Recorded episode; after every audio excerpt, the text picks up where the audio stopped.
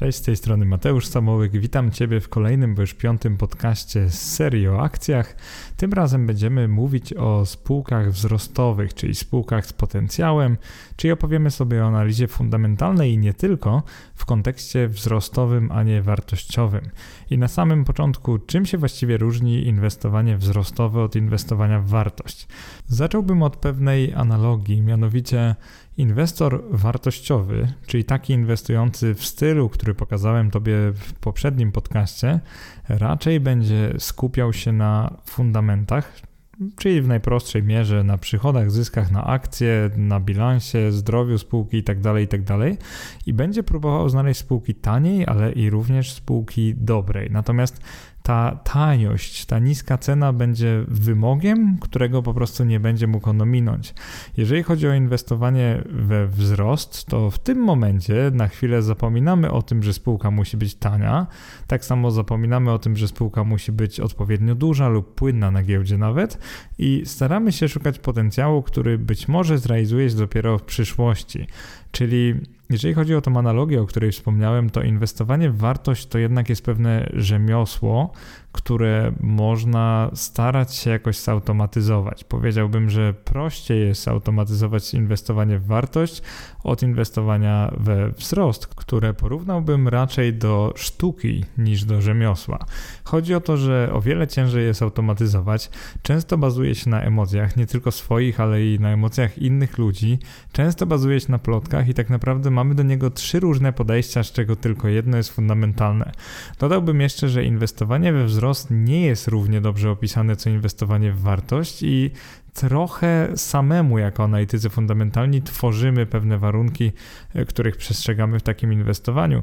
Dodam jeszcze więcej, żeby trochę utrudnić na początku. Inwestowanie we wzrost można powiązać lub połączyć z inwestowaniem w wartość, czyli nawet tutaj możemy się starać szukać wzrostu, który jednocześnie nie jest bardzo drogi. I myślę, że na początku, żeby jak to mówią milenialsi, zajawić, żeby dać zajawkę tego, o czym będę mówił, to dam Tobie przykład spółki wzrostowej. Tak naprawdę o co tu chodzi, dlaczego inwestorzy są skłonni przepłacać za takie spółki. E, przypomnę teraz e, część drugą serii o akcjach. W tym podcaście też opowiadałem Wam o takich przykładach trzech spółek. Tam była spółka największa, która co prawda była najtańsza, ale rosła najwolniej, i były dwie mniejsze spółki, które rosły o wiele szybciej od tej pierwszej. Tam akurat spółka druga, jeżeli dobrze pamiętam, rosła dużo szybciej, natomiast wydawały się drogie relatywnie do trzeciej. I w inwestowaniu we wzrost chodzi o to nie, żeby wyceniać obecne fundamenty spółki, ale żeby zamiast tego starać się może zaprognozować, przewidzieć przyszłe jej fundamenty i oczywiście, skoro te fundamenty mają być znacznie wyższe niż te dzisiejsze, to jesteśmy w stanie zapłacić za akcje spółki o wiele więcej niż jakbyśmy stosowali te same miary i standardy dla spółek typu value. I dla przykładu, jeżeli dwie spółki w tej chwili są notowane po 100 zł i mają po, dajmy na to, 100 akcji, żeby sobie uprościć życie, czyli ich kapitalizacja wynosi po 10 tysięcy złotych i jedna ze spółek w tym roku zarobiła 50 złotych, a druga zarobiła 100 zł, no to wydaje nam się przynajmniej na razie, że ta, która zarobiła 100 zł jest lepszą inwestycją, bo jakby na giełdzie jest warta tyle samo, a zarobiła 100 zł, a nie 50 zł, tak na chłopski rozum, powinna być lepszą inwestycją.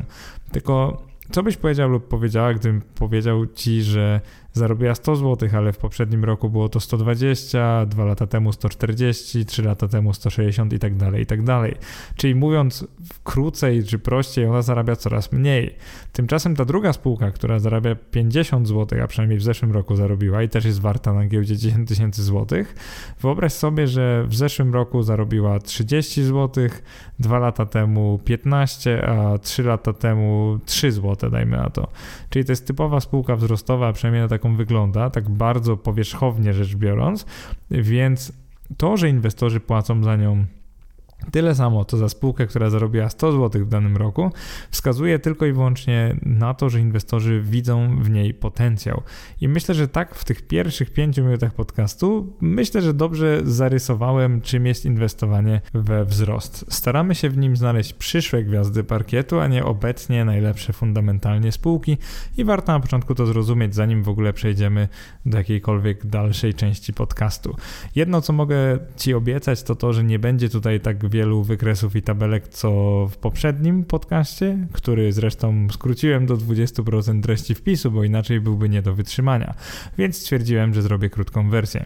Dzisiaj myślę, że nie będę musiał ca skracać całości, także opowiem Ci o wszystkich trzech sposobach analizy, natomiast pozostaniemy na takim poziomie, który będzie zjadliwy dla podcastu, natomiast oczywiście wszystkie tabele, wszystkie wykresy znajdziesz we wpisie, który jest oczywiście dość sporo krótszy od poprzedniego, także serdecznie zachęcam. Jeżeli zmęczyła Ciebie czwarta część, to ta piąta już powinna być w miarę do przeżycia. Co oznacza inwestowanie wzrostowe? Tak według mnie i według ekspertów to mogą być spółki, które na przykład poprawiają wyniki finansowe z roku na rok, ale niekoniecznie osiągnęły jeszcze próg zyskowności. To mogą być też spółki, które są bardzo małe i nie mają żadnego pokrycia analitycznego, czyli na przykład są notowane na New Connectie i nikt z takich ekspertów, ekspertów, na przykład z bankowości lub maklerskich ekspertów, nie przygląda się im, czyli po prostu do publicznej wiadomości nie trafiają żadne informacje o nich, więc można taką perełkę starać się znaleźć wśród spółek spółek, o których mówiąc kolokwialnie jest po prostu cicho. I alternatywnym podejściem do znajdywania spółek wzrostowych jest kompletne porzucenie analizy fundamentalnej i skupienie się na wybieraniu na przykład tego, co rośnie.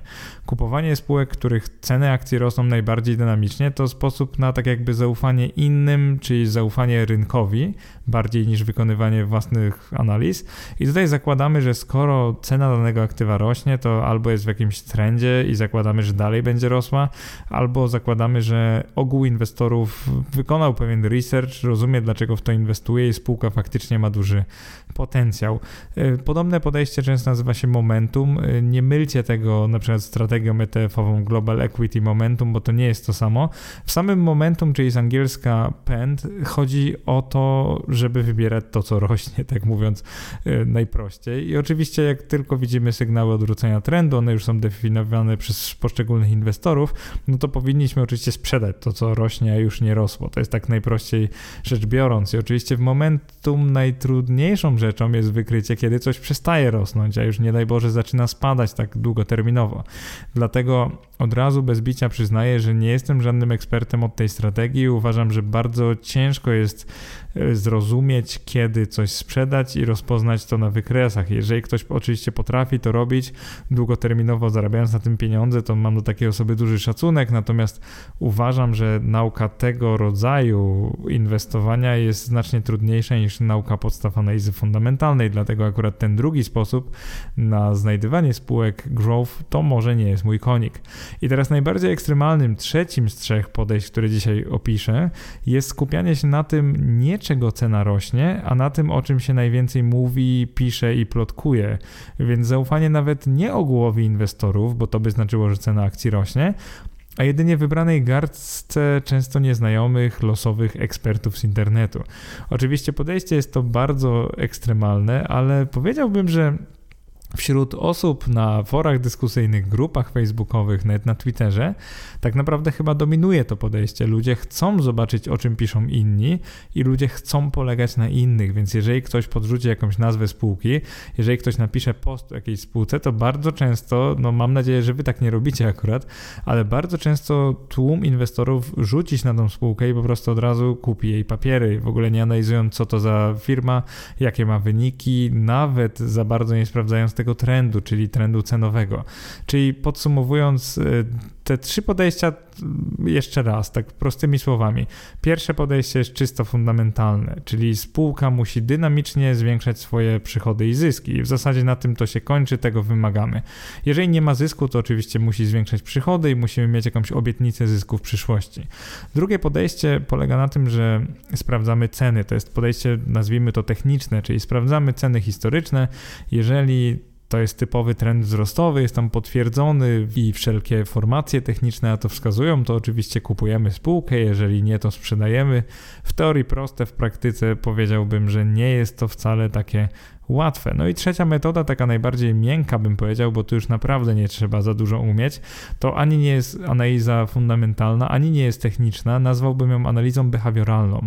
Tutaj kupujemy spółki, o których się dużo mówi i pisze, czyli selekcja jest no, w oparciu o plotki, w oparciu o częstotliwość publikowania, nawet analiz, ale jakieś po prostu informacji w internecie o danej spółce. Jeżeli na forach na przykład pojawia się najwięcej postów o spółce A i B, no to oczywiście inwestujemy w spółkę A i B, zakładając, że w przyszłości cena jej akcji będzie musiała rosnąć, ponieważ z czasem coraz więcej osób będzie o niej pisać, czyli kompletnie odcinamy się od podejścia pierwszego. I tak naprawdę, jakbyśmy chcieli jakoś wytłumaczyć, skąd się wzięły trzy podejścia, to możemy trochę pofilozofować. To nie zajmie długo, to nie potrwa długo, więc się nie przejmuj. Zacznijmy od tego, że jeżeli cena akcji spółki rośnie, to jest podejście drugie, to albo poprawia ona swoje wyniki, no i to jest podejście pierwsze, albo dużo się o niej mówi i plotkuje i to jest podejście trzecie, więc w pewnym sensie podejście drugie wynika albo z pierwszego, albo z trzeciego, albo z ich kombinacji.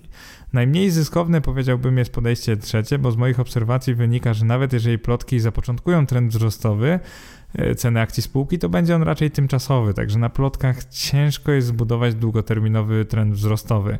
Mm, przykładami są chociażby spółki typu CD Projekt i Dino, które faktycznie od lat są, były, no, no, to jest kwestia akurat dyskusyjna, czy są, czy były, ale jednak na pewno był ten trend wzrostowy i on był w obydwu przypadkach mocno potwierdzany polepszającymi się wynikami, więc mimo, że dużo pisano o tych spółkach, to uważam, że motorem wzrostu akurat był wzrost wyników, a nie to, że się o nich pisało. I najbardziej zyskowne według mnie może być porządne odrobienie pracy domowej, czyli znalezienie spółki, która dopiero co zaczęła poprawiać swoje wyniki finansowe, ale wydaje się mieć potencjał biznesowy. No i problem w tym, że wariant fundamentalny, czyli to podejście pierwsze, jest niezwykle trudne do wykonania. Tak naprawdę jest uznaniowe, jest trochę bardziej sztuką niż rzemiosłem, jest ciężkie do wykonania i do powielenia. Nawet jeżeli ktoś umie, to druga osoba może to robić dużo gorzej, mimo że używa tych samych wskaźników. To jest taka ciekawostka, więc to jest bardziej sztuka i doświadczenie niż cokolwiek cokolwiek innego. Przeciętną zyskowność według mnie ma podejście drugie, czyli po prostu podążanie za trendem cenowym, dlatego że równie często trafimy tu na spółkę, której cena rośnie z bardziej trwałych przyczyn, czyli z tych przyczyn fundamentalnych, podejście pierwsze, ale i z plotek i niepotwierdzonych informacji, czyli podejście trzecie, więc możemy wykryć jakiś mini trend, który okaże się, że wkrótce się odwróci, bo nie miał jakichś fundamentalnych przyczyn. I warto wspomnieć o tym, że w podejściu drugim wzrost ceny jest wymogiem, bo my reagujemy na tym, co jest efektem plotek lub fundamentów. I wzrost ceny w podejściu drugim musi wystąpić, żeby inwestor w ogóle chciał kupić akcję takiej spółki. A w podejściu pierwszym i trzecim można wręcz narzucić brak wzrostu ceny ceny w ostatnich miesiącach lub latach. Choć osobiście bym tego nie robił, bo jak już inwestujemy wzrostowo, to myślę, że chcielibyśmy inwestować w to, co już rośnie, a nie jeszcze nie zaczęło. I pewnie już zauważyliście, że szukanie spółek wartościowych, czyli właśnie value investing, jest bardziej nauką, brzmi bardziej jak nauka, a poszukiwanie spółek wzrostowych, czyli growth investing, jest o wiele bardziej sztuką i taką uznaniową dziedziną, którą tak naprawdę można wykonywać na wiele sposobów. I celem mojego podcastu będzie przedstawienie Ci każdego z trzech sposobów. I myślę, że to jest, to, to by było na tyle. Czym są spółki, których wyniki rosną? To jest dość proste. Możemy sobie nawet narysować na wykresie cenę akcji i wartość godziwą spółki na akcję, cokolwiek by to było. Wartość godziwa może wynikać z analizy fundamentalnej typu DCF, czyli Discounted Cash Flows, czyli że po prostu modelujemy przyszłe przepływy pieniężne i wyceniamy je dyskontując o stopę dyskontową. O tym dużo nie mówiłem, bo to jest taki teoretyczny model, ale wiem, że bardzo dużo osób go stosuje, więc możemy postarać się przewidzieć wartość godziwą przyszłości. Problem jest jedynie taki, że w spółkach typu value bardzo trudno jest przewidzieć przyszłe przepływy pieniężne, więc to podejście no, w gruncie rzeczy zwykle się nie sprawdza. Jak, jakkolwiek byśmy je podchodzili do wartości godziwej, to mając już przeszłość, czyli historycznie wyniki spółki, możemy chociażby porównać sobie cenę z zyskiem i po prostu zobaczyć, jak to wyglądało. I jeżeli jakaś spółka ogólnie zwiększa swoje wyniki, a na przykład w jednym z lat miała trochę gorsze, a cena była dalej na tym samym poziomie co zawsze, no to potencjalnie oczywiście jest ona okazją cenową.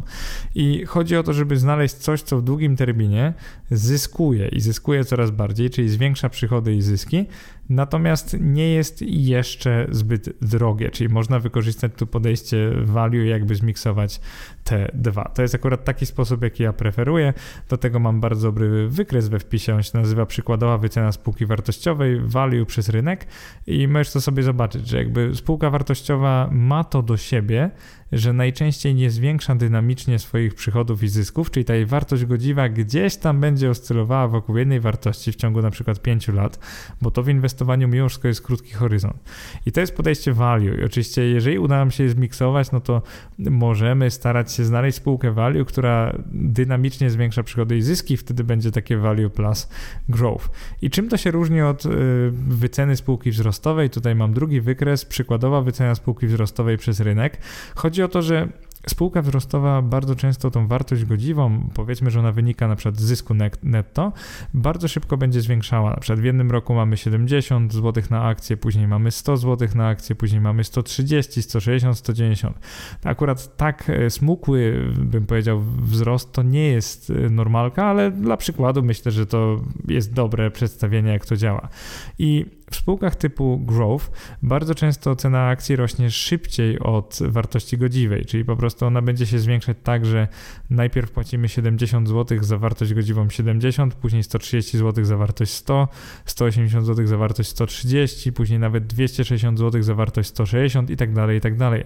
Chodzi o to, że rynek wycenia przyszły potencjał, a nie teraźniejszość. To jest bardzo istotne do zrozumienia, że my płacimy za coś, co będzie w przyszłości, a nie za obecną, już taką realną, zrealizowaną wartość. I oczywiście pewnie część z Was zauważyła teraz, że dużym problemem inwestowania we wzrost jest to, że wzrostu może nie być. I istotnie, dużo prościej się analizuje value, bo jak już mieliśmy całe lata, mamy dużą spółkę, dużą pulę klientów, całe lata działalności, przychody i koszty, które są mniej więcej znane i stabilne, to się inwestuje o wiele prościej niż jak mamy jakiś ala startup, spółkę bardzo małą, która na giełdzie jest pewnie od niedawna i która tak naprawdę dopiero co zaczęła zarabiać albo nawet nie zarabia pieniędzy. Więc wyobraźcie sobie, że tak jak dyskutowałem ostatnio o wskaźniku cen do zysku, który nie miał być powyżej 10, tak jak w przypadku spółek typu value, to zauważcie, że tu nie mamy w ogóle cen do zysku. Byłaby ona ujemna, bo dzielimy na ujemną liczbę, w tym przypadku jak spółka notuje straty. Więc y, problemem analizy growth jest to, że no cóż, znajdywanie jednorożców raczej się nie udaje i większość małych spółek nie osiągnie wielkiego sukcesu. Także ci z Was, którzy myślą, że prosto można znaleźć kolejny 11 Beat Studios, kolejny Playway czy kolejny CD Projekt, czyli po prostu spółki te, te akurat z branży growej wymieniłem, które bardzo dynamicznie zwiększyły swoją cenę akcji. I oczywiście one zwiększyły cenę akcji, a, a właściwie inwestorzy zaczęli za nie tyle płacić, dlatego że one tak szybko no, wydały świetne gry, zwiększyły swoje wyniki nawet kilkunastu, kilkudziesięciokrotnie w ciągu kilku lat, więc Oczywiście, że takie spółki się zdarzają, natomiast znalezienie kolejnych to nie jest rzecz prosta. Jeżeli by była, to każdemu by się udawało. No a podkreślam, inwestowanie growth nie jest łatwe. Dlatego moim ulubionym podejściem do takiego fundamentalnego inwestowania typu growth to jest na przykład rozłożenie sobie 100 tysięcy złotych na 20 różnych spółek, oczywiście spółek z potencjałem. No i zakładamy tutaj, że w ciągu dekady kilka jednorożców, może jeden, dwa, trzy się znajdą, natomiast reszta środków będzie spalona, utracona na bankrutach. A w najlepszym przypadku jakoś wynikowo nam wyjdzie, że faktycznie jedna spółka pociągnie cały portfel do góry, a wszystkie inne może nie zbankrutują, ale też no, nie poprawią wyników i cena akcji będzie podobna do tej historycznej. Więc zainteresowani szybkim zyskiem nie skupią się na takiej metodzie i będą woleli pójść w stronę momentum analizy technicznej, czyli spółek, których cena akcji rośnie. No i to jest najprostsza z idei. Ona polega tak naprawdę na kupowaniu akcji spółek, które kupują inni inwestorzy, bo inaczej gdyby więcej inwestorów nie kupowało, a sprzedawało, to oczywiście cena akcji by nie rosła, zwłaszcza nie rosłaby dynamicznie. Więc y, polegamy na tym, że tłum już coś kupuje, polegamy na tym, że cena akcji rośnie i po prostu inwestujemy z trendem, czyli właśnie momentum pędzimy z innymi, czyli tak jakby dołączamy do stada. Y, sposoby na wykonanie tego są dość proste. Możemy sprawdzić historyczne stopy zwrotu dla wszystkich akcji polskich na stoku.pl. Możemy sprawdzić spółki na swoich rocznych maksimach cenowych na biznesradar.pl. Możemy nawet skorzystać ze skanera akcji na biznesradar, na którym, czy w którym, w ramach którego można ustawić kryteria cenowe, czyli po prostu można maksima sobie wyszukać w sposób taki bardziej algorytmiczny, automatyczny. No i w, w dalszej części tego podcastu wytłumaczę Ci, jak ja to zrobiłem i które spółki mi w danym momencie wypluło. Oczywiście wypluło jest tak bardzo kolokwialnie powiedziane, ale chodzi mi o wyjście skanera, czyli podałem pewne wartości, na, na wyjściu były inne spółki, pewne spółki, o których zaraz Wam opowiem. Jeżeli chodzi o trzecią metodę, taką powiedzmy najprostszą do wykonania, ale nie zawsze skuteczną, to są spółki, o których dużo się mówi. No i ten sposób analizy w cudzysłowie aktywów był z nami od zawsze i zwykle świadomie lub nie swoją przygodę z akcjami właśnie zaczyna się od tego, ponieważ myślimy sobie, no dobrze, my nic nie umiemy, a są ludzie dużo bardziej doświadczeni, być może to są akurat ci ludzie z internetu, no to może warto im zaufać, no bo wszyscy o tym piszą, to może coś w tym jest. Jeżeli chodzi o sposób wykonania takiej analizy, ja akurat prześmiewczo opisałem ten sposób w innym podcaście o tytule Psychologia inwestowania, czyli jak inwestować, by nie zwariować. Nadałem mu raczej pejoratywny i prześmiewczy ton, co nie zmienia faktu, że są osoby na świecie, które potrafią w ten sposób zarabiać pieniądze. I w tym sposobie szukania spółek wzrostowych skupiamy się na emocjach innych, w cudzysłowie, graczy giełdowych.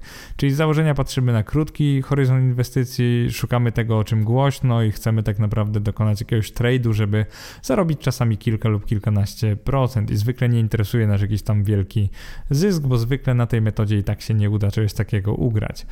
Metody przeprowadzenia takiej, nazwijmy to analizy, no to, to jest oczywiście przeglądanie rankingu popularności spółek na Business Radar, sprawdzenie tak zwanego ticker rank na stoku.pl. Później Wam powiem o tym trochę więcej, nawet pokażę przykład.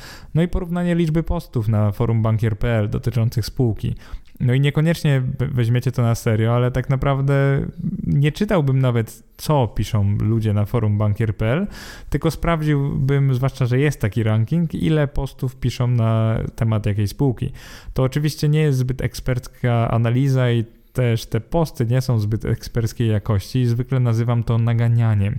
Jestem ogromnym przeciwnikiem naganiania i na przykład na naszej grupie na Facebooku zdarza mi się kogoś po prostu zbanować, wyrzucić z grupy z powodu tego, że wkleja jakieś tam, nie wiem, niepotwierdzone informacje o spółce i tak, ten, tak naprawdę wygląda jakby chciał manipulować kursem. E, cenowym. Więc dla mnie to jest tak, że ta trzecia metoda to jest trochę taka spekulacyjna dla takiego łowcy przygód giełdowego, natomiast nie jestem absolutnie ekspertem w tej dziedzinie, uważam tę metodę za zbyt aktywną i niestabilną, no ale w ramach tego podcastu oczywiście nagram wam to, co o niej wiem, przekażę wam pewną wiedzę, pewne narzędzia, natomiast absolutnie nigdy bym nie wykonywał tego sposobu trzeciego jako jedyny rodzaj analizy. Mi też się zdarza sprawdzić taką popularność relatywną spółki, ale zwykle jak już sam dokonam pewnych pewnej analizy i będę miał pewne wnioski. No i wtedy ewentualnie sprawdzam, czy inni potwierdzają to, co ja zauważyłem, czy może jestem sam i jeszcze nikt nie zauważył jakiegoś potencjału spółki. Co jest bardzo istotne też w tym podcaście, tak jak w poprzednim, to to, że informacje, które tu przedstawiam, są moimi prywatnymi opiniami, nie stanowią rekomendacji inwestycyjnych w rozumieniu wiadomo którego rozporządzenia, także nie będę już tego nagrywał. Wszystkie decyzje podejmujecie na własną odpowiedzialność. I teraz dlaczego to w ogóle powiedziałem, bo zauważcie, że zwykle tego nie mówię, tylko mam to we wpisie, e, to przede wszystkim chciałbym zadeklarować, że pisząc i publikując ten tekst oraz nagrywając do niego podcast, posiadam w swoim portfelu przynajmniej część papierów wartościowych, które przedstawię w tym porównaniu. Jest to bardzo istotne, nie tylko ze względu na literę polskiego prawa, ale na to, że po prostu chcę być z wami uczciwy. Więc jeżeli byście wyczuli w tym, co nagram, jakąś tendencyjność, to oczywiście przepraszam, postaram się być bezstronny, no ale ciężko jest inwestować na giełdzie, gdzie jest 800 spółek, z czego tak naprawdę uważam, że tak może do 200 jest jakkolwiek sensowna i ciężko jest robić wpisy i podcasty o analizach, nigdy nie wspominając, nie mówiąc o pewnych spółkach, które się ma w portfelu, bo skoro ma się je w portfelu, to się je wybrało lata temu z jakichś powodów, prawda? Więc oczywiście nie jest to takie proste. Jeżeli chodzi o dalsze założenia, to źródła danych finansowych to znowu to jest strona GPW, Stoku i Business Radar. E, wszystkie te strony opisałem w trzeciej części tego cyklu, więc zapraszam do przesłuchania jeszcze raz podcastu, jeżeli chcesz się o nich dowiedzieć raz jeszcze. I tym razem pozwolę sobie skorzystać z danych finansowych z lat 2011 do 2020, ale też tych za pierwsze kwartały 2021 roku, czyli analizując growth, nie jest już wcale tak łatwo brać pod uwagę tylko te poprzednie kwartały, czyli jednak jak piszę ten wpis i nagrywam podcast w październiku, na, na przełomie października, listopada, właściwie roku 2021, to oczywiście już teraz chciałbym korzystać z najnowszych danych, więc w tym przypadku część wykresów pokaże tak, jakby rok 2021 się jeszcze nie zaczął, a część pokaże tak, jakbyśmy już brali pod uwagę dzisiejsze ceny, dzisiejsze zyski i przychody, bo dlaczego nie? Także będzie trochę taki miszmasz, ale mam nadzieję, że uda mi się pokazać to, co chcę Wam pokazać. No i metody analizy w tym przypadku są oparte na moim doświadczeniu i w przeciwieństwie poprzedniego podcastu, czyli części czwartej, w którym opierałem się głównie na metodach Bena Grahama i Asfata Damodarana, to tutaj zaprezentuję bardziej takie nowatorskie, moje własne sposoby i filtry, które przynoszą oczywiście różne mieszane rezultaty, czasami dobre, czasami złe. I tak jak powiedziałem w metodach w tym sposobie drugim i trzecim jakimś ekspertem nie jestem, więc tylko postaram się poglądowo wam go przedstawić, no, żeby być tak uczciwym z wami. Zaczynamy od sposobu pierwszego, czyli tego, który jest mi najbliższy, najbliższy mojemu sercu, można powiedzieć. To są mocne fundamenty do wzrostu. Od lat stosuję podobną metodę i równolegle do inwestowania wartościowego, które w moim przypadku przy okazji wybieram nim spółki dywidendowe zwykle, to metodą wzrostową skanuje finanse spółek na giełdzie w poszukiwaniu takich cech jak na przykład udowodniony wzrost przychodów. Czyli w terminie przynajmniej kilkuletnim spółka musi zwiększać swoje przychody. Da się to na przykład ustawić za pomocą skanera fundamentalnego, zaraz pokażę Ci w jaki sposób. Druga rzecz to jest wzrost zysku netto, czyli oczywiście jeżeli zysk jest, to chciałbym, żeby on wzrastał, przynajmniej na równi z przychodami, jeżeli chodzi procentowo, najlepiej szybciej od przychodu. Jeżeli zysku nie ma natomiast, czyli mamy do czynienia ze spółką stratną, najczęściej te mniejsze spółki do pewnego momentu będą przynosić stratę, więc nie ma w tym nic dziwnego. Jeżeli zakłada się firmę i ona dopiero zaczyna działać, no to nie ma się co dziwić, że ona nie, nie zarabia, że nie notuje zysku, to wtedy wymagam czegoś takiego, żeby strata była coraz mniejsza, no i żeby z czasem nawet ta zyskowność się pojawiła. Więc y, pewnym takim wariantem tej metody jest w ogóle nie patrzenie na to, czy jest zysk i wybieranie wręcz celowo małych spółek, które mają stratę, ale mają największy potencjał, czyli w taki sposób miękki po prostu słuchamy wywiadów z właścicielami, czytamy coś o tych branżach, spółkach, może nawet te fora branżowe i próbujemy znaleźć spółkę z potencjałem, która jeszcze nie zarabia. To jest trochę trudniejsze, więc w tym wpisie akurat skupimy się na tych zyskownych, których wzrost zysku netto jest już, e, no, dzieje się w rzeczywistości. Trzecim kryterium to jest kapitalizacja, czyli wartość giełdowa. Podkreślam, ostatnio w poprzednim podcaście mieliśmy tą wartość księgową, a teraz mamy wartość rynkową. I chodzi o to, że spółka ma być wyceniana na giełdzie na poniżej 100 milionów złotych. I znowu, to jest bardzo uznaniowe, ale ja bym chciał, żebyśmy akceptowali średniej wielkości firmy, ale nie chcemy kupować gigantów, których dynamika wzrostu ze względu na dużą skalę działalności bardzo rzadko jest możliwa do utrzymania. Więc jeżeli robię analizę typu growth, to ja bym akurat chciał, żeby spółki spółki były mniejsze, więc celowo zaniżam sobie kapitalizację do poniżej 100 milionów złotych, czyli tak naprawdę odsiewam te największe 200, kilkadziesiąt powiedziałbym spółek z GPW i New, i New Connect, chociaż New Connectie, na New Connectie wątpię, że jest dużo takich spółek, pewnie trochę jest, ale niewiele. Odsiewam największe spółki, wybieramy tylko mniejsze. Kryteria do skanu fundamentalnego to jest coś, co chciałbym Wam pokazać i opisać. E, no to, to są znowu skaner fundamentalny z businessradar.pl, aktywne filtry, które ustawiłem w tym przypadku są takie trochę zagmatwane, ale opiszę prosto o co mi chodziło. Chciałem ustawić tak przychody, żeby z ostatnich czterech kwartałów wyniosły przynajmniej 15% rok do roku. Następnie dynamikę trzyletnią, czyli tą średnioroczną z ostatnich trzech lat chciałem ustawić trochę niżej, przykład na 13% minimum. I później dynamikę pięcioletnią chciałem ustawić jeszcze niżej, ale na plusie, czyli na przykład, żeby wynosiła 10% minimum. I teraz co uzyskuję, a przynajmniej co chciałem uzyskać takimi kryteriami? Chodziło mi o to, żeby spółka, przynajmniej w teorii, zwiększała swoje przychody średnioroczne już w długim terminie, albo takim przynajmniej średnim pięcioletnim, natomiast żeby ten wzrost przychodów przyspieszył ostatnio, czyli chodzi mi o znalezienie takiej spółki, wyobraźcie sobie, która zarabia, zarabia coraz więcej, a przynajmniej inkasuje od swoich klientów, natomiast w ostatnim roku i trzech latach to jakby przyspieszyło wobec ostatnich pięciu lat. Te kryteria idealne nie są i zobaczycie zresztą dlaczego, bo one nie zawsze wybierają spółkę, która faktycznie szybciej rośnie ostatnio niż rosła wcześniej, więc oczywiście zachęcam Was do pobawienia się tymi kryteriami, bo założę się, że nie trzeba marnować dużo czasu, żeby ustawić lepsze, ale na potrzeby wpisu to wystarczy, bo ja nawet celowo chciałem ustawić takie trochę gorsze, żeby omówić te wyniki. Tak naprawdę zawsze pewne rzeczy robię celowo, żeby mieć dobry materiał do podcastu, tak między nami. Jeżeli chodzi o zysk ze sprzedaży, to ustawiłem go w sposób podobny, czyli ten średnioroczny z ostatnich czterech kwartałów ustawiony na minimum 12% rocznie wzrostu, ten średnioroczny z 3 lat ustawiony na minimum 10% i ten z 5 lat na minimum 8%. Czyli metoda jest podobna. Te spółki będą musiały już raczej zarabiać pieniądze i chciałbym, żeby zarabiały je coraz szybciej, przynajmniej w ostatnim okresie. No i w ten sposób udało nam się dzisiaj znaleźć 9 spółek i podkreślam dzisiaj, żebyście wiedzieli, bo może będzie tego słuchać dużo później, więc to akurat y, tą część analizy wykonałem we wrześniu 2021 roku, znajdując 9 spółek. Tak pokrótce mogę Ci wyjaśnić, jakie to spółki, ale jeszcze opowiem co nieco o ich kapitalizacji, która jest naprawdę niewielka. Mianowicie najmniejsza ze spółek ma kapitalizację 9 milionów złotych, tak milionów, nie miliardów.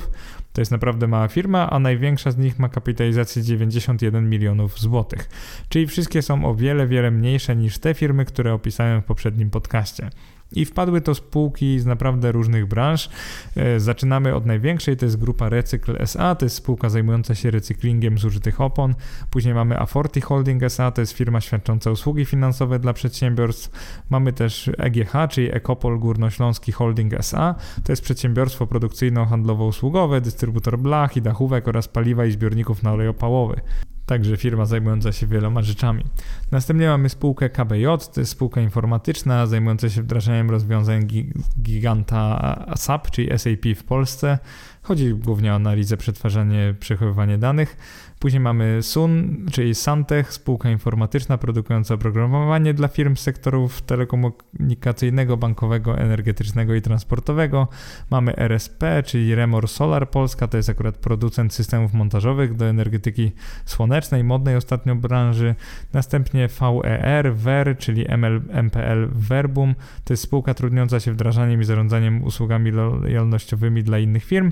Później mamy EXA, czyli EXA Mobile, to jest firma zajmująca się produkcją gier i aplikacji mobilnych. I na samym końcu najmniejszą spółkę to jest ta, o której mówiłem 9 milionów kapitalizacji, przynajmniej w tym momencie, to jest ECA, czyli ECA, e, pełna nazwa to Uchy ECA SA, to jest spółka finansowa świadcząca usługi w zakresie audytu, podatków, księgowości, szkoleń i doradztwa giełdowego. Tu Was przepraszam, bo trochę musiałem poczytać, natomiast to, co chciałem pokazać, to to, że jest tu wiele spółek z New Connect, są to spółki małe i no cóż, prezentują wzrost, tylko pytanie brzmi, które prezentują prawdziwy wzrost, a które taki wątpliwy i powiedziałbym, że ciężko ocenić, jak będzie w przyszłości. Zacznijmy od spółki Ecopol. Tutaj będzie trochę nie kapitalizacją, tylko zaczynam od tych, które według mnie prezentują no, niepotwierdzony wzrost. Ciężko jest go ocenić. I jeżeli weźmiemy spółkę Ecopol, to Przychód i zysk na akcję wobec ceny akcji tej spółki, jeżeli weźmiemy sobie właśnie okres od 2012 do drugiego kwartału 2021, to mamy trochę taką dziwaczną sytuację, bo widać na pierwszy rzut oka, że przychody najpierw trochę malały od 12 do 16, ale spółka na rynku już jest od dość wielu lat. Później dynamicznie rosły w zasadzie od 5-6 lat, natomiast w parze z tymi przychodami nie rosły zyski, czyli ta zyskowność była ciągle dość niska i dopiero po takim znacznym, znacznym zwiększeniu przychodów z 50 do 70 zł na akcję ta firma zaczęła wzrastać, jeżeli chodzi o cenę akcji, więc to też jest dość ciekawe. Więc tak naprawdę bardzo ciężko jest określić, jaki będzie zakres wzrostów spółki Ecopol, jaką ma przed sobą przyszłość, patrząc tylko na ten wykres. Dlatego powinniśmy zobaczyć też drugi wykres, czyli wartość księgową i zobowiązania na akcje spółki Ecopol. No i tu mamy też dość ciekawie, bo jeżeli chodzi o kapitał własny, to jest akurat granatowa część, takie osłupko, to wygląda on w miarę stabilnie, nie rósł on jakoś znacznie. Jeżeli chodzi o zadłużenie, to rosło ono akurat dość znacznie w ostatnich latach. I teraz, jeżeli chodzi o wartość księgową na akcję, no to widać gołym okiem, że ostatnio akurat cena akcji przekroczyła wartość księgową. Do tego spółka jest mocno zadłużona, tak naprawdę w większości opiera się na długu, a w mniejszości na kapitale własnym i to doskonale widać na tym wykresie, więc to jest coś, co może nie alarmuje, ale tak budzi pewne wątpliwości. Nawet jeżeli są spółki typu growth i robimy analizę taką typową pod przyszły potencjał, to no cóż, nie zawsze to jest pożądane i powiedziałbym, że trzeba by się mocno zastanowić, czy akurat szukamy tego rodzaju spółki. No i na koniec, jako taki smaczek, stopa zwrotu z kapitału, czyli ROE i aktywów ROA spółki, to jest kolejny wykres. Dla spółki Ecopol, no on też wygląda dość nieciekawie. Tutaj wyrysowałem akurat linią błękitną, długoterminową średnią ROE i wygląda to tak, że spółka ta czasami notuje ROE w wysokości około 2%, czasami w wysokości 7%, czasami w wysokości 5%. Jest ono bardzo niestabilne, więc jakby ciężko mi powiedzieć, na ile ta spółka potrafi generować e, stabilne wyniki, bo okazuje się, że jest bardzo, bardzo e, sezonowa. Jak będzie, to pożyjemy, zobaczymy, natomiast na pewno ona przez to, co właśnie opisałem, przez te wykresy nie jest takim typowym e, przypadkiem spółki wzrostowej, gdzie bym widział, że jest jakiś taki potwierdzony wzrost i był pewien, że on będzie też w przyszłości. No wiadomo, że pewny to nie jestem nigdy, ale w tym przypadku jest mi ciężej niż w przypadku innych spółek. Następną taką podobną spółką, jeżeli chodzi o moje wątpliwości, będzie Aforti Holding. To jest spółka z historią tak zwaną, bo jest notowana na małym parkiecie New Connect od ponad 10 lat. No jej taką burzliwą historię dobrze pokazuje przebieg cen akcji od 2011 roku, w którym weszła ona na giełdę. I on wygląda mniej więcej tak pod koniec roku 2021, że no wyobraźcie sobie, że mimo że w tej chwili jest wyceniana na 55 milionów złotych, bo tyle wynosi jej kapitalizacja, to na debiucie w 2011 cena akcji wynosiła 27 zł, ale już tydzień później 150 zł, czyli jakby po debiucie ona była takim dużym obiektem, można powiedzieć, spekulacji, no coś sprawiło, że cena akcji gigantycznie wzrosła. No i co ciekawe, w ciągu kolejnych dwóch tygodni, dalej w roku 2011, swoją drogą to był rok, kiedy zacząłem inwestować, akurat wtedy w ogóle nie wiedziałem, że taka spółka istnieje, czyli w kolejnych dwóch tygodniach między sierpniem 30 a 14 września ta cena akcji spadła z prawie 150 zł do 5,92 zł na akcję, czyli ponad 96%. Także wyobraźcie sobie coś takiego, więc sam ten wykres cenowy, który tu, tu też przedstawiam, opisałem Wam, mnie trochę przeraża i nieco odstrasza. I oczywiście od tego czasu ona była warta nawet czasami poniżej złotówki, w ostatnich latach znacząco wzrosła, była wyceniana powyżej 20 zł, znowu jest wyceniana około 5, więc jakby zmienność jej cen to jest coś dla mnie po prostu strasznego. Jako inwestora takiego jednak długoterminowego, ja nie lubię tak zmiennych spółek, więc dla mnie to, to jest akurat czynnik odstraszający.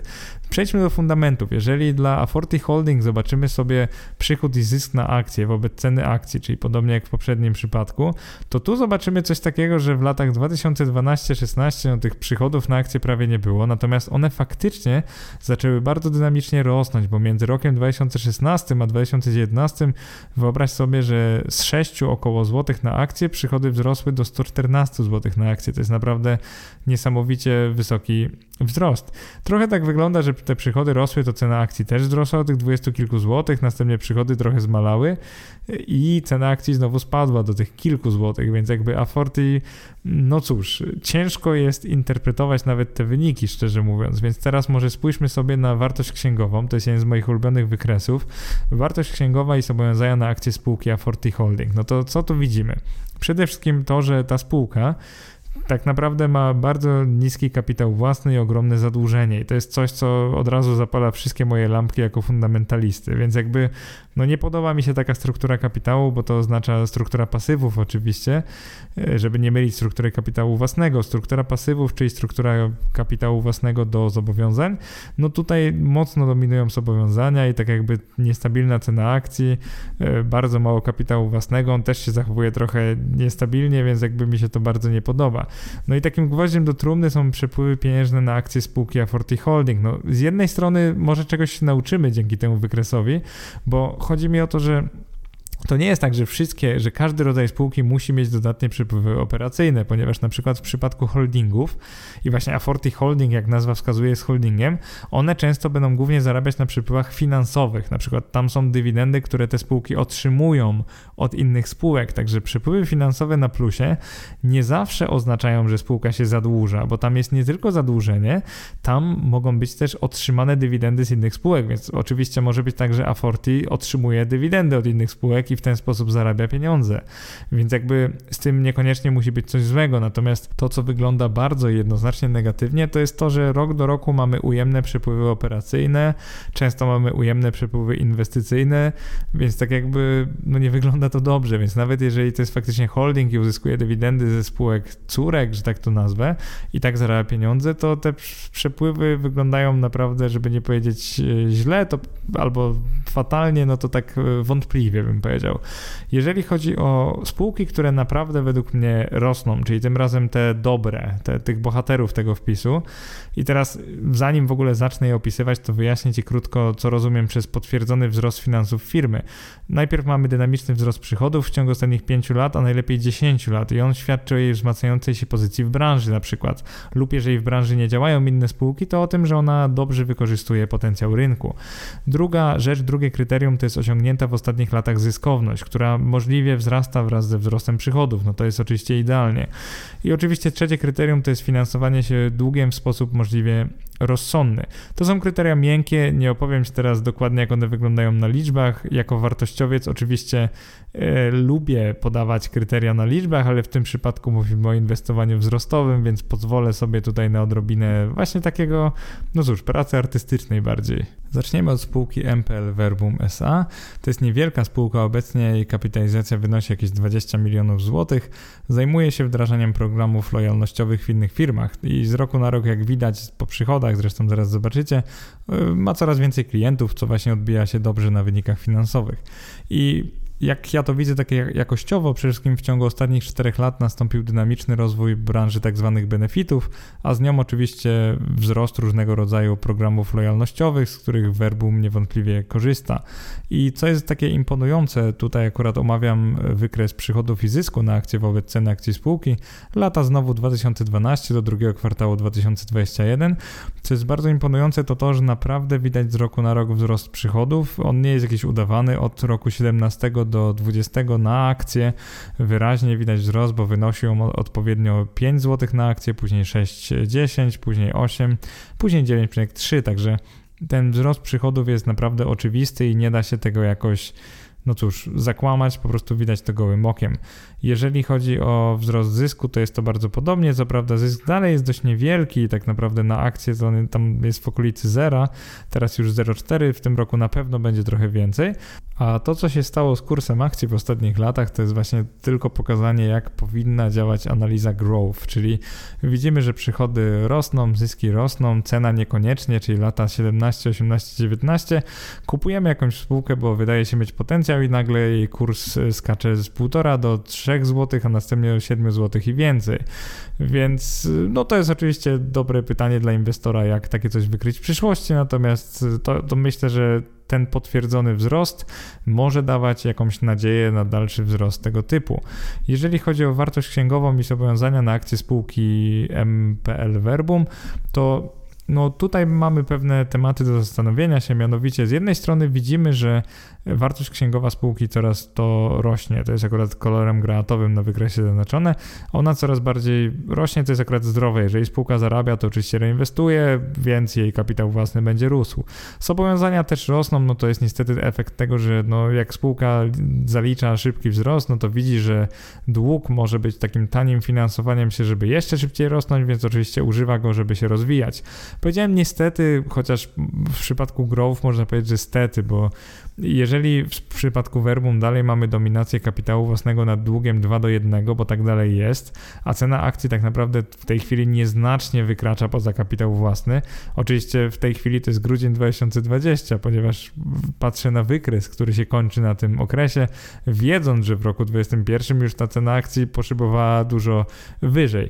No i właśnie to się dzieje y, z akcjami spółek typu growth. Oczywiście nie zawsze, no ale jeżeli ten wzrost jest potwierdzony, no to w końcu możemy liczyć na wzrost cen akcji. Drugim przykładem spółki, która ma taki potwierdzony wzrost, to jest KBJ, to jest ta spółka informatyczna, to jest kolejna niewielka spółka, wartość giełdowa około 30 milionów złotych, czyli naprawdę mała.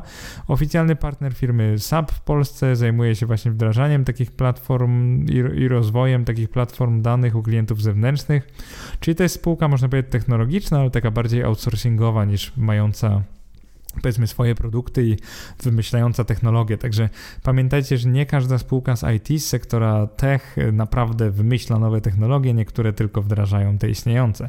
Co nie zmienia faktu, że mogą zarabiać dużo pieniędzy. W przypadku KBJ, jeżeli spojrzymy na wykres przychodu i zysku na akcję wobec ceny akcji, znowu kolejne kolejny wykres ostatnich 10 lat, no to widzimy coś takiego, że wzrost przychodów jest niezaprzeczalny, tylko on nie był taki stabilny jak w przypadku Verbum, czyli on potrafi być w stagnacji od roku lub dwóch, ale gdzieś w długim terminie widać, że rośnie. Jeżeli chodzi o zysk spółki, no to trochę podobnie, że potrafi się pojawić, potrafi zniknąć, tak naprawdę nie jest rzeczą taką potwierdzoną i stabilną, ale długoterminowo jednoznacznie zysk rośnie tak samo jak przychody. Jeżeli chodzi o cenę akcji, no tu się robi trochę dziwacznie, ponieważ w, po tym drugim kwartale roku 2021 ona wyniosła aż 17 zł, mimo że wyniki, tak patrząc na to subiektywnie, były, no cóż, podobne albo gorsze jak w, w 2020 roku, kiedy spółka była notowana za 13 zł, nie 17, więc tu jest tak rzecz do zastanowienia się, czy przypadkiem już się nie robi za droga, natomiast do tego wzrostu nie można się przyczepić. Natomiast jeżeli chodzi o KBJ, to jak spojrzymy sobie na wykres wartości księgowej i zobowiązań na akcje spółki, no to to tu już widzimy pewne takie alarmujące czynniki. Mianowicie, to, tym, co bardzo mi przeszkadza, jest wzrastające zadłużenie spółki. Z jednej strony mamy kapitał własny, który jest bardzo zdrowy i tak naprawdę rośnie sobie z czasem i w taki naprawdę w porządku, stabilny sposób, to już zobowiązania niestety nie rosną w taki stabilny sposób, ponieważ, no, jakby, jakby to powiedzieć, zwykle spółka miała gdzieś jeden do jednego zobowiązań kapitału własnego, no ale ostatnio zaczęło to znacznie przekraczać. Podejrzewam, że po prostu znaleźli sposób na jakąś dobrą inwestycję i dzięki temu będą więcej zarabiać, natomiast no jakby to powiedzieć, no nie lubię, wiecie, nie mam, nie lubię jak spółka zaczyna się mocniej zadłużać, dla mnie to jest taki sygnał ostrzegawczy, no bo wyobraźcie sobie, że to zadłużenie trzeba jakieś spłacić, a jeżeli zyski z inwestycji nie będą takie wysokie, jak spółka myślała, no to to zadłużenie może ciążyć na kapitale przez wiele, wiele lat, bo to jest po prostu dodatkowy koszt, czyli podobnie jakbyście, nie wiem, zadłużyli się na przykład na mieszkanie i musieli spłacać, stopy procentowe poszłyby do góry, wy byście zarabiali coraz mniej, no i co wtedy? Więc w ten sposób patrzy właśnie na dług spółek, że to jest takie zło konieczne, że świetnie, że się szybciej roz, rozwijają dzięki temu, ale niestety no, ryzyko bankructwa, ryzyko niewypłacalności rośnie z każdą złotówką zadłużenia. I trzecią spółką, którą omówię w, w takich no, dobrych przykładach, to będzie ExaMobile, czyli spółka typowo technologiczna w tym przypadku, aplikacje mobilne i to jest dość ciekawie, bo e, z jednej strony ExaMobile no, widać gołym okiem, że bardzo szybko zwiększa przychody i że ten wzrost przychodów jest. I tak samo z zyskownością, że jeszcze parę lat temu jej nie było, a teraz już tak 0,3 zł, 0,5, czyli po 50 groszy złotego na akcję, to już jest takie prawie że normalne w tych czasach. Natomiast to, co się dzieje z ceną akcji też jest niewyobrażalne, bo cena akcji w latach ubiegłych, na przykład w roku 2014 wynosiła 4,2 złotego, mimo że spółka miała 0,3 zł przychodu na akcję, dla przykładu. I jakby dopiero taki potencjał spółka zaczęła pokazywać w roku 17-18, jeżeli chodzi o wyniki, i wtedy cena akcji poszybowała z 1,5 zł do 6,4 zł.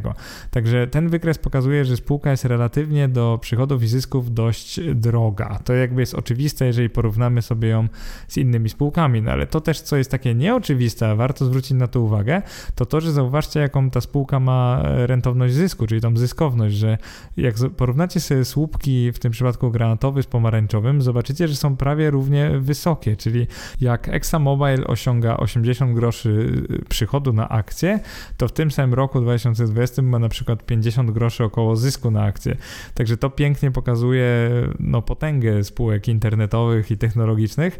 Chodzi o to, że no cóż, one nie mają wielu kosztów, więc tak naprawdę gdzieś tam w długim terminie mogą nawet 50% i więcej przychodów zarabiać i to już w skali netto, czyli już po podatku. Więc to jest taka ciekawostka.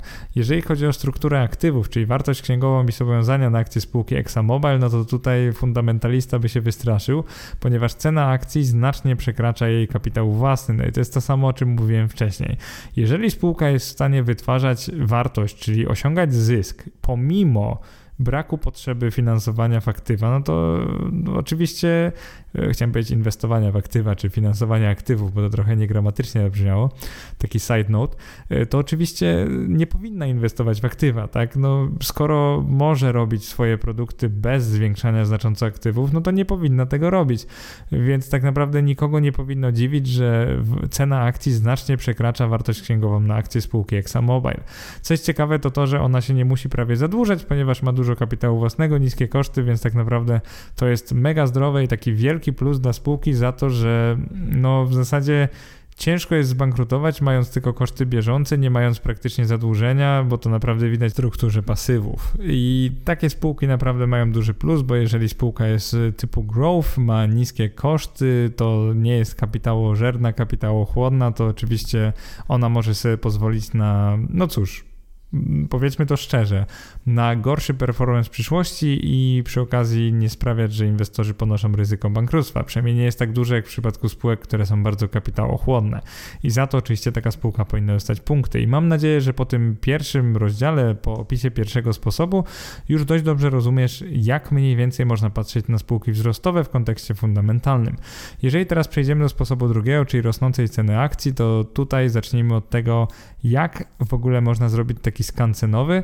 W moim przypadku znowu użyłem Business Radar, czyli spojrzałem na kapitalizację spółek, no i tu chciałem wybrać no jak najmniejsze, czyli tak jak Wam mówiłem wcześniej do 100 tysięcy złotych i też zależało mi na tym, żeby po prostu kurs cen akcji rósł, więc wybrałem kryteria w taki sposób, że zmiana kursu 3-miesięczna musi być 10% wyższa od WIG-u, 6-miesięczna 20% wyższa od WIG-u, 12-miesięczna 30%, a właściwie punktów procentowych wyższa od WIG-u, 24-miesięczna tak samo, 40 punktów procentowych, i 36-miesięczna 50 punktów procentowych. Czyli ustawiłem to w ten sposób, żeby im dłuższy termin, tym stopa ta łączna wynikowa była wyższa od WIG-u, czyli takie trochę sky is the limit, po prostu szukamy spółek, które rosną najszybciej. Alternatywą, to też pokazuję we wpisie taki osobny obrazek, alternatywą dla tego podejścia jest korzystanie z gotowych mierników trendu, które też biznesradar.pl udostępnia. Jeżeli sobie wejdziecie na skaner fundamentalny, mamy coś takiego jak trend 3M, trend 12M, trend 36M. Możemy po prostu wybrać mocny trend wzrostowy i wtedy wybierzemy tym sposobem spółki, które, no tak jak nazwa wskazuje, są w najmocniejszym trendzie wzrostowym. Więc tak naprawdę to od ciebie, to od was zależy, który wybierzecie sposób. Tak naprawdę i jeden, i drugi działa. Ja tu celowo pokazuję obydwa. Natomiast y, przejdźmy na chwilkę do tego, jakie spółki właśnie wypluł mi ten skaner, znowu kolokwialnie. W tym przypadku mamy pięć spółek, które najszybciej zwiększają swoją cenę na giełdzie, tak mówiąc zupełnie wprost. No i chcemy mieć taki potwierdzony trend y, długoterminowy. One mają rosnąć nie tylko w ostatnich miesiącach, ale w całym okresie trzyletnim. Te spółki to AT Cargo, MW Trade, Dektra, Uchy Ekca, o niej już mówiłem, i Ampli. I tak naprawdę nie będę tutaj omawiał szczegółowo, jakie to są spółki, tylko powiem Wam, że one są o bardzo różnej kapitalizacji. Najmniejsza to jest Ampli, to są tylko 4 miliony złotych, także spółka bardzo mała. Największa to ATC Cargo. E, oni są w tej chwili notowani za 80 kilka milionów złotych na giełdzie, ale znowu to jest taka spółka, no wiecie, niewielka. To nie, to nie są ogromne spółki. Tak naprawdę większość z tych spółek to są spółki raczej małe. I w tym przypadku chcemy firm, których cena dynamicznie rośnie, więc zrobiłem tutaj taki wykres na stoku.pl, gdzie właśnie pokazuję trzy przykłady. I tam są tickery ATA, M, WT, MWT i DKR i te spółki no dość dobrze widać, że w takim właśnie mm, horyzoncie dwu, trzyletnim mają taki wyraźny trend wzrostowy. Ja akurat nie jestem ekspertem od trendów, no ale no gołym okiem widać, że inwestorzy zauważyli potencjał w tych e, spółkach, także no ten wzrost jest niepodważalny, więc można by powiedzieć, no dobrze, skoro widzimy, że spółka zaczęła rosnąć, to dlaczego po prostu jej nie kupić, może będzie rosła dalej. I teraz, dlaczego ja właściwie bawię się w ogóle w podejście fundamentalne? I dlaczego do końca nie ufam takiemu podejściu, że ok, spółka rośnie, więc pewnie coś w tym jest i powinna być coraz droższa, czyli dlaczego ja w zasadzie nie lubię chodzić za tłumem i równie często uważam, że idąc za tłumem trafimy na spółkę fundamentalnie mocną, jak i na takiego spekulacyjnego, no nie chcę tego powiedzieć wprost, ale takiego, takiego gniota, takiego potworka, czyli spółkę, która nie daje zbyt wielu argumentów za tym, żeby w nią inwestować. I zacznijmy od Dektry, czyli spółki Dektra. To jest mała spółka z New Connect Akurat możecie ją znać z moich podcastów dywidendowych. Przykładowo ona się pojawiła, w które spółki z GPW wypłacą dywidendę w 2021 roku. Ja ją tam akurat opisałem jako dywidendową okazję GPW, bo w październiku tamtego roku, czyli kiedy wydałem ten wpis i podcast, była warta na giełdzie 6 zł i w dniu, kiedy z kolei nagrywam ten podcast, już jest warta 13, także no wpadła w, to zestawienie wzrostowe, ponieważ kurs no, cenowy w oczywisty sposób bardzo szybko rośnie. I teraz, jeżeli chodzi o zakup Dektry w tej cenie, to jak spojrzymy sobie na wykres przychodu i zysku na akcję wobec ceny akcji spółki, tutaj analogicznie do wcześniejszych przykładów, mamy ostatnie 10 lat i łącznie z tym drugim kwartałem roku 2021, to zobaczymy, że przychody spółki są takie dość sezonowe, można powiedzieć cykliczne, że one e, raz się zwiększały w roku 17 miały maksimum i przy okazji były bardzo podobne do dzisiejszych, i one później trochę spadły i znowu wzrosły od tej wartości 17. Także trochę widzimy pewien rodzaj cykliczności, ale też co widać doskonale to to, jak podąża za przychodami zysk i to, jak podąża za przychodami i zyskiem cena akcji. Tak naprawdę są do siebie, można powiedzieć, przyklejone, bo kiedy w roku 17 mieliśmy przychody rzędu 18 zł na akcję, zysk rzędu 1,4 zł na akcję, to cena akcji wynosiła około 12 zł. Jeżeli później zeszliśmy trochę z przychodami do 15 zł, z zyskiem do 0,4 zł, to cena akcji nie wynosiła już 12, a 5 zł około.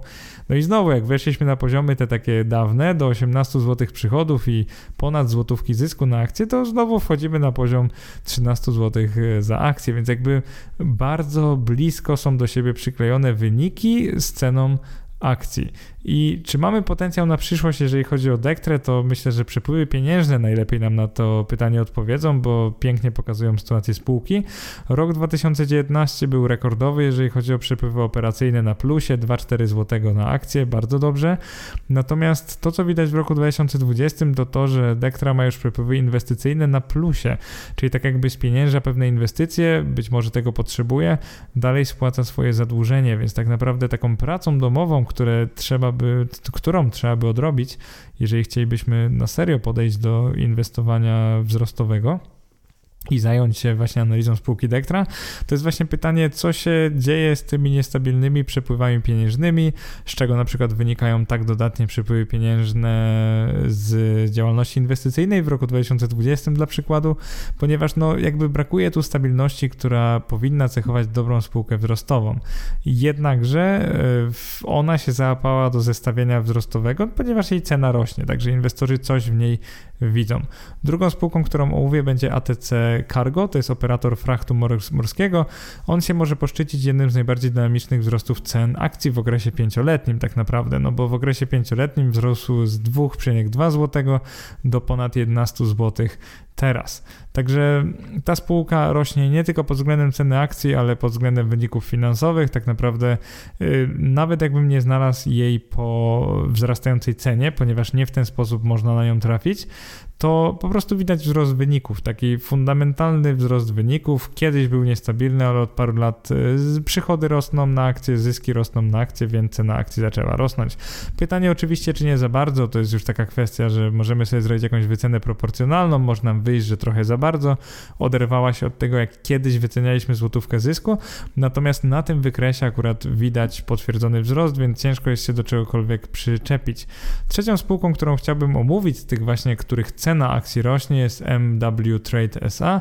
No i tu jak zobaczymy rachunek, yy, w tym przypadku przychody i zyski na akcje wobec ceny akcji spółki, znowu ostatnie 10 lat, to zobaczymy bardzo niestabilne przychody, które bardzo zmalały od lat. Zobaczymy, że cena akcji wynosiła kiedyś 20 kilka złotych, a później złotówkę, a ostatnio 5 złotych, także jest bardzo, bardzo chwiejna.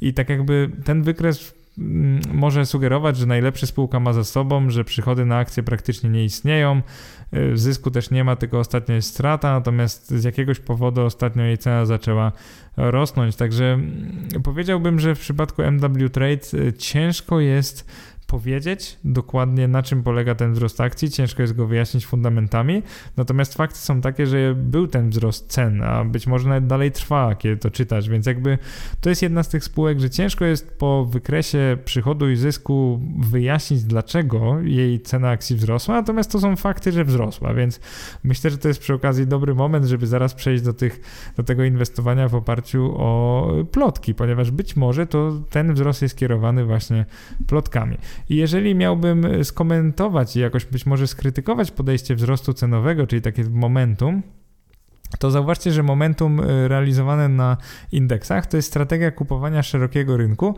wtedy, gdy stopy zwrotu z akcji przewyższają te z obligacji. No i takie na przykład Global Equity Momentum do mnie trafia w ujęciu selekcji poszczególnych yy, indeksów, a nie spółek. I teraz, jeżeli chodzi o momentum w przypadku poszczególnych spółek, no to nie uważam go za skuteczne, ponieważ równie często możemy trafić na trend, który jest niepotwierdzony, czyli zaraz się skończy, lub na spółkę, która wręcz już, no cóż, zaczęła coś, co nie jest trendem, albo na przykład jest w trendzie tak długo, że on też się skończy, bo jest nim za długo. Więc y, szczerze mówiąc, y, ktoś musiałby żonglować naprawdę w sposób y, taki trudny spółkami, żeby mieć w swoim portfelu spółki, które na przykład 20 spółek, które w poprzednim miesiącu sumarycznie wzrosły najbardziej. Więc jeżeli byśmy zawsze chcieli posiadać te spółki, które ostatnio wzrosły najbardziej, to po pierwsze nie wiem, czy byśmy na tym zarobili, jakbyśmy tak żonglowali, a po drugie byłoby to bardzo ciężkie do utrzymania. Tak naprawdę musielibyśmy je zachować jak bardzo aktywny fundusz czyli ponosić ogromne koszty, nie mówiąc już o trudności takiego monitorowania 20 spółek i tego, jak zmieniają się ich nawet ceny na giełdzie, no bo w momentum właśnie chodzi o, te, chodzi o te ceny.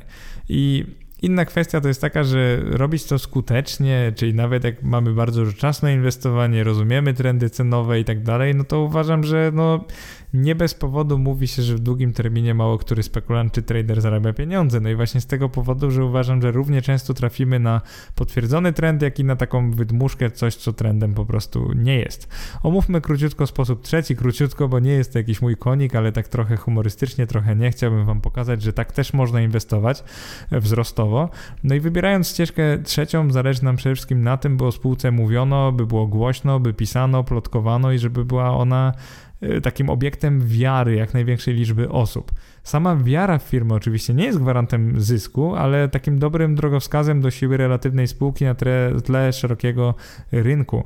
I w jednym z wcześniejszych momentów w tym podcaście mówiłem Ci, że na ceny spółki wpływają zwykle dane finansowe oraz emocje, więc teraz przyjrzymy się tym drugim. Zacznijmy od kryteriów poszukiwań głośnych spółek. I tutaj sugerowałbym przejrzeć sobie ranking popularności spółek na Business Radar i tak zwany ticker rank na stoku.pl. To jest właśnie pierwszy zrzut ekranu, który tutaj omawiam. Y, wszystkie trzy narzędzia, bo jeszcze trzecie to jest liczba postów na forum Bankier, zaraz do tego dojdziemy, to na, najlepsze na koniec. Y, te trzy narzędzia znajdują zwykle bardzo podobne spółki. I jak zrobiłem go przykładowo w momencie, kiedy pisałem wpis, jakby sprawdziłem, które spółki są najbardziej popularne, czyli które spółki są najczęściej dodawane do portfeli na Business Radar, najczęściej sprawdzane na stoku oraz najczęściej omawiane, czyli najwięcej postów jest na ich temat na forum bankier.pl, to tak naprawdę okazało się, że te spółki się dość mocno pokryły. W przypadku stoku były to akurat JSW, CD Projekt, Getin Noble, KGHM, PKN Orlen.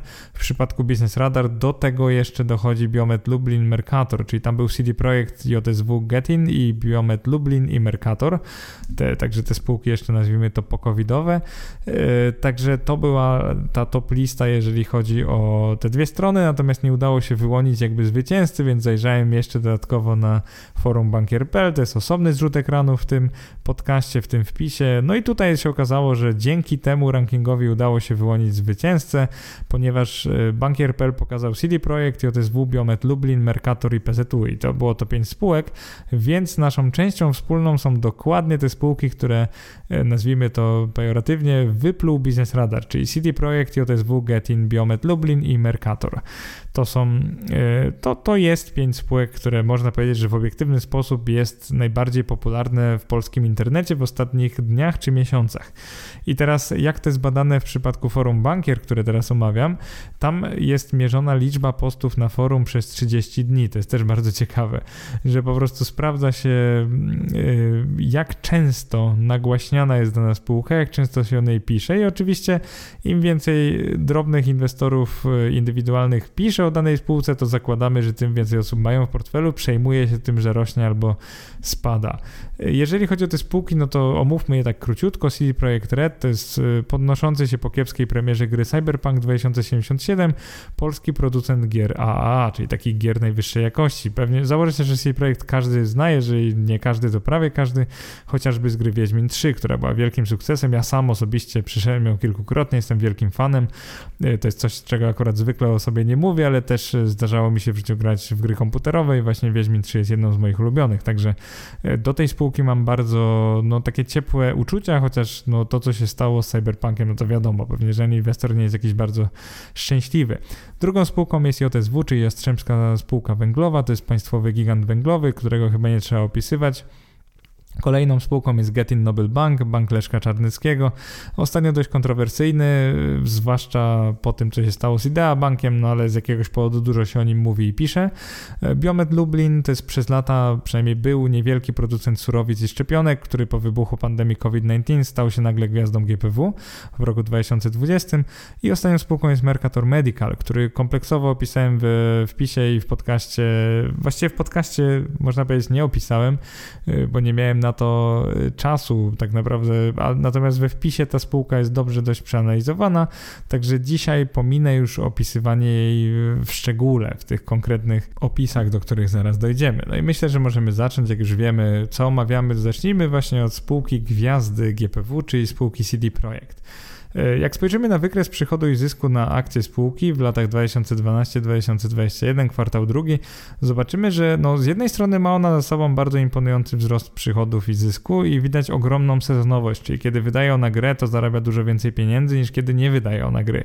Także to jest dość oczywiste, że zarabia wtedy naprawdę dużo pieniędzy i tak naprawdę przełomowe lata w wycenie tej spółki to były lata 2014, 15, 16, czyli właśnie ten okres wydania gry Wiedźmin 3, bo nagle się okazało, że spółka, która jest sprzedawana po 22 zł, zarobiła ponad 3 zł tyle zarobiła, tyle miała zysku netto.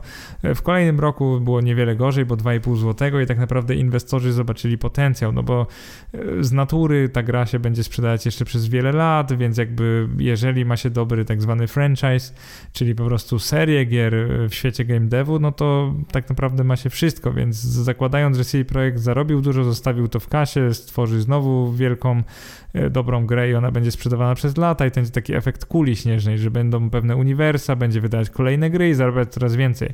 No to inwestorzy mm, poczuli tutaj potencjał i z tych 22 zł niewiele trzeba było czekać, parę lat, żeby zrobiło się 150, 200, 300, nawet w pewnym momencie było ponad 400. E, doszło w końcu do premiery drugiej wielkiej i takiej naprawdę mocno nagłośnionej gry Cyberpunk 2077. No i okazało się, że na tej grze ze względu na pewne problemy techniczne i tak dalej w roku 2020, czyli tak naprawdę tam był miesiąc sprzedaży gry niecały, e, tam spółka przychodu osiągnęła co prawda wiele więcej niż kiedyś na Wiedźminie, bo 21 zł na akcję wobec 8 zł na akcję, ale zysku było już tylko 11 zł na akcję. I teraz jeżeli zysku mamy 11 zł na akcję, e, jak przez parę lat nie mieliśmy go prawie wcale, a spółka jest wyceniana na 400 coś złotych, no to w oczywisty sposób e, cena tych akcji spada, więc jakby z jednej strony dużo się mówi o tej spółce, bo pobudza ona wyobraźnię i nie dziwię się w pewnym sensie, bo ona ma ogromny potencjał, tak? Taka marka naprawdę jest nie do przecenienia, więc być może płacić tu za markę, ale z drugiej strony, jeżeli fundamentalista zobaczy wykres cenowy, zobaczy te y, zyski i pomyśli o tym, co może czekać taką spółkę, jeżeli no, nie naprawi szybko tej gry, nie wyda paru dodatków, tak zwanych y, DLC, jeżeli nie wejdzie, ona nie zapowie też kolejnego dużego tytułu i nie wyda go w ciągu no, maks kilku lat, albo najlepiej dwóch dużych tytułów, jeszcze najlepiej dobrych, to oczywiście ciężko jest taką wycenę obronić, więc można powiedzieć, że bardziej fundamenty wskazują na wycenę taką między 60 a 90 zł, a nie 150 do 200. Więc e, to, co chcę powiedzieć, przynajmniej w momencie, kiedy nagrywam ten podcast i odnoszę się do wykresu, który przedstawiłem we wpisie, to to, że no dobrze, spółka jest popularna, jest bardzo zmienna dzięki temu lub przez to, ponieważ dużo się o niej mówi, więc te ruchy dzienne są bardzo duże, więc myślę, że potencjał do takiego tradingu jest dość duży. Natomiast jeżeli chodzi o potencjał inwestycyjny, to no cóż, tak naprawdę ciężko powiedzieć. To jest, to jest jedna z tych spółek, które bardzo ciężko wycenić, bo nie wiadomo, co je w przyszłości czeka, potencjał ma naprawdę ogromny. Tylko pytanie, czy go zrealizuje, czy nie, więc jakby no, dość dwuznaczne. Natomiast y, jeżeli byśmy inwestowali w oparciu o plotki, to powinniśmy się nią zainteresować.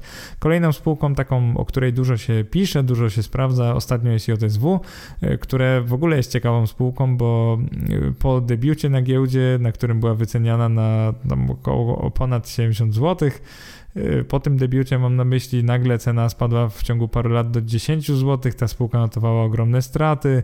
Później ze względu na koniunkturę na rynku węgla znowu zaczęła notować zyski. W roku 2017 nagle znowu była warta na giełdzie około 100 zł za akcję, także mieliśmy taki roller coaster, że od 70 do 10, później do 100, później znowu do 20 w 2019 i teraz y, już po drugim kwartale roku 2021 mieliśmy taki powrót trochę do do tych y, wycen, powiedzmy, gdzieś wypośrodkowanych. Co mi się bardzo nie podoba w tej spółce, to jest ta cykliczność wyników i ta ich niestabilność, że tak naprawdę o niej się dużo mówi i pisze, ale ta spółka może mieć duże straty, a i tak e, cena akcji rośnie, ponieważ dużo się o niej pisze.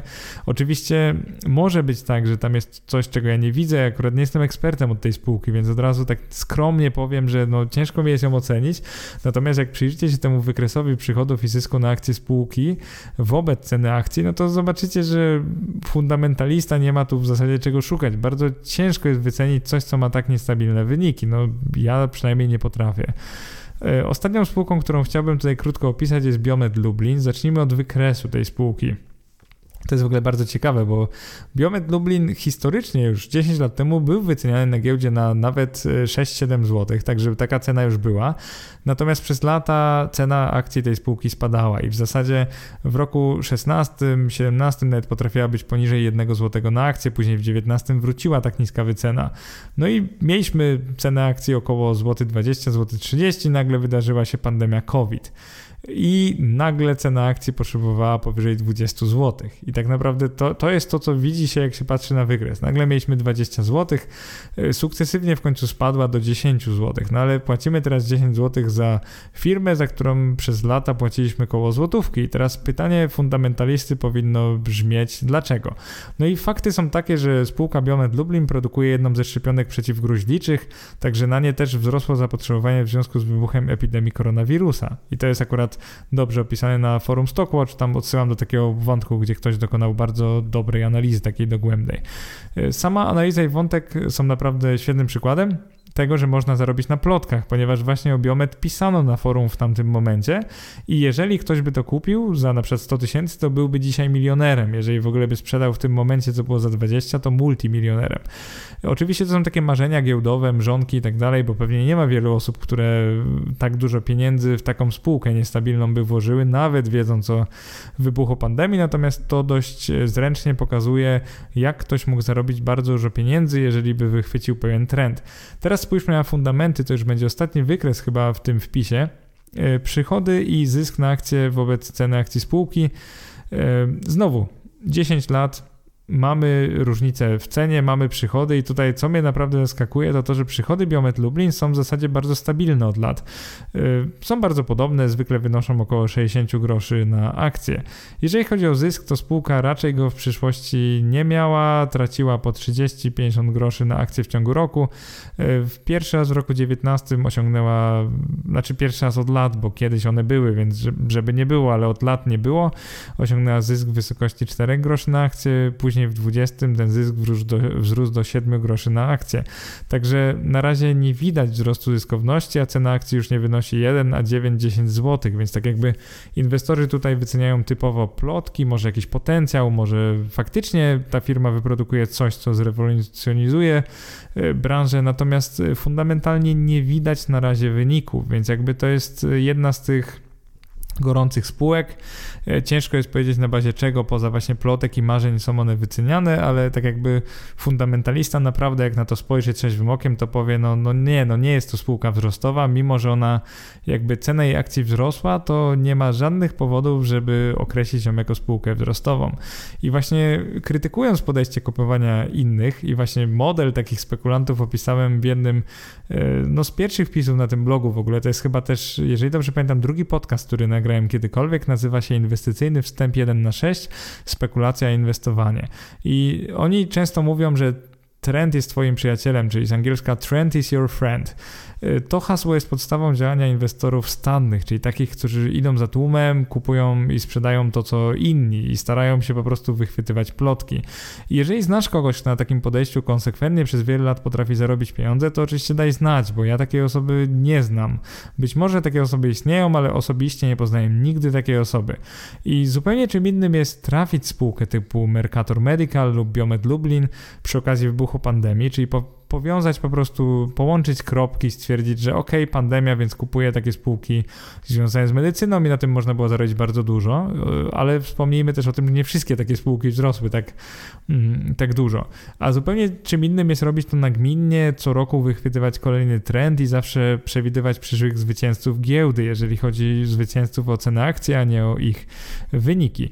No i właśnie dlatego w swoim inwestowaniu wolę zarobić trochę mniej, ale kierować się analizą fundamentalną, za pomocą mogę niczym taki inżynier akcji mierzyć, czy spółka jest warta obecnej ceny, czy nie. Jednak podobnych narzędzi dostarcza tylko pierwsze z podejść, czyli po prostu trzeba analizować wyniki, mieć dużego Excela i rozumieć sprawozdania finansowe, które po odpowiedniej kalibracji, dostosowaniu do swoich potrzeb mogą dać nam takie naprawdę dobre narzędzie do analizy fundamentalnej, również pod kątem growth. E, to by było na tyle, jeżeli chodzi o mięso tego podcastu. Na sam koniec chciałem Tobie bardzo podziękować, że wytrzymujesz ze mną przez tą serię. Jest ona bardzo trudna napisania nagrania, więc myślę, że nie jest łatwa w odbiorze. Tak krótko zapowiem, co będzie w następnych częściach. E, następne będzie inwestowanie dywidendowe, czyli to, na co pewnie wszyscy czekają, no bo to tygryski lubią najbardziej, zauważyłem, e, więc na to wszyscy czekamy. Kolejno będę omawiał też metody takiego tworzenia portfela, czyli na co zwrócić uwagę oraz prowadzenia portfela, czyli te trudności trudności, które mamy w prowadzeniu portfela, kiedy kupować, sprzedawać spółki, jakieś takie zdarzenia nadzwyczajne e, typu split, emisje z prawem poboru, takie rzeczy, które sprawiają problemy w prowadzeniu portfela akcji. E, mam nadzieję, że na razie seria się podoba. Jeżeli tak, to oczywiście serdecznie zapraszam na bloga. E, daj mi komentarz na blogu, bo to jest tak naprawdę jedyny i najlepszy sposób, żebym wiedział, że jesteś moim słuchaczem lub słuchaczką, że doceniasz te moje treści, że coś tobie dają i otwiera swój umysł na mądre, rozsądne inwestowanie. Skomentuj ten wpis, daj mi znać, że istniejesz, daj mi znać, że doceniasz to, co robię, bo to naprawdę daje więcej energii niż cokolwiek innego. Z góry wielkie dzięki. Oczywiście, jeżeli ze mną jesteś, to też polub mnie na Facebooku, e, napisz mi maila inwestomatmałpainwestomat.eu, daj znać, e, o czym chciał lub chciałabyś poczytać, bo to jest dla mnie niezwykle, niezwykle istotne w prowadzeniu tego bloga, bo robię to głównie dla Was, no po części też dla siebie, bo ja po prostu lubię gadać o inwestowaniu, ale robię to głównie dla Was, więc oczywiście, jeżeli dacie mi taki feedback, będzie to dla mnie bezcenne. Bardzo Wam dziękuję, wszystkiego dobrego, trzymajcie się, cześć.